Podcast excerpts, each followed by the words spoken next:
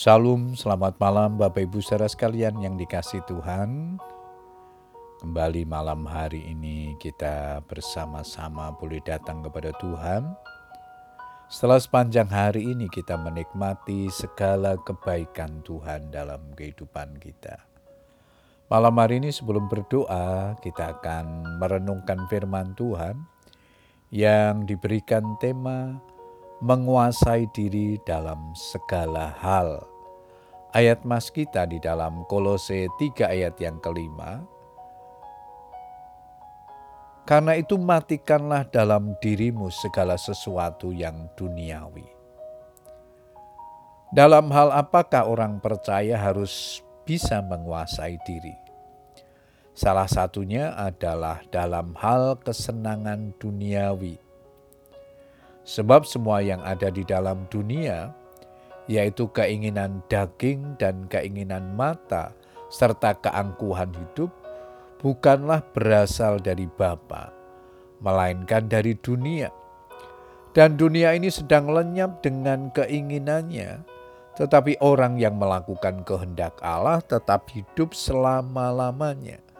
Demikianlah 1 Yohanes 2 ayat 16-17 mencatat. Berbagai kesenangan dan kenikmatan yang memanjakan daging sedang dunia tawarkan kepada panca indera dan tidak sedikit orang terjebak dan tenggelam di dalamnya. Ditunjang perkembangan teknologi yang semakin mutakhir, di mana informasi apa saja dapat dengan mudah diakses, mulai dari yang positif sampai kepada yang negatif. Orang juga dapat melakukan apa saja melalui media online, berbisnis, berteman, atau melakukan perbuatan yang menyimpang dari kebenaran, seperti judi online, bahkan prostitusi online yang sedang marak akhir-akhir ini. Karena terpesona indahnya dunia ini, orang tidak segan mengeluarkan banyak uang demi memuaskan hasratnya. Mengapakah kamu belanjakan uang untuk sesuatu yang bukan roti dan upah jeripayahmu untuk sesuatu yang tidak mengenyangkan? Demikian kata Yesaya 55 ayat yang kedua. Firman Tuhan memperingatkan, karena itu harus lebih teliti kita memperhatikan apa yang telah kita dengar supaya kita jangan hanyut dibawa oleh arus.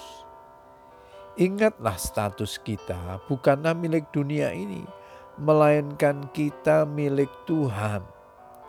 Karena itu kita harus berusaha menjadi pribadi yang berbeda dari dunia ini. Jangan sampai kesenangan dunia ini semakin menjauhkan kita dari Tuhan, sehingga Tuhan bukan lagi yang utama dalam hidup ini. Namun, apa gunanya seorang memperoleh seluruh dunia tetapi kehilangan nyawanya? Dan apakah yang dapat diberikannya sebagai ganti nyawanya? Matius 16 ayat 26. Musa mampu menguasai diri terhadap kesenangan duniawi, sehingga rela meninggalkan segala kenyamanan di Mesir dan lebih memilih untuk menderita sengsara bersama dengan umat Tuhan di padang gurun. Sebab pandangannya telah ia arahkan kepada upah yang kekal. Sebab jika kamu hidup menurut daging, kamu akan mati. Tetapi jika oleh roh kamu mematikan perbuatan-perbuatan tubuhmu, kamu akan hidup. Demikian nasihat Roma 8 ayat yang ke-13. Bapak Ibu saudara sekalian yang dikasih Tuhan, meskipun menguasai diri itu tidak mudah, mari kita minta bimbingan Roh Kudus agar setiap hari kita belajar menguasai diri dalam segala hal. Selamat berdoa dengan keluarga kita, tetap semangat berdoa Tuhan Yesus memberkati. Amin.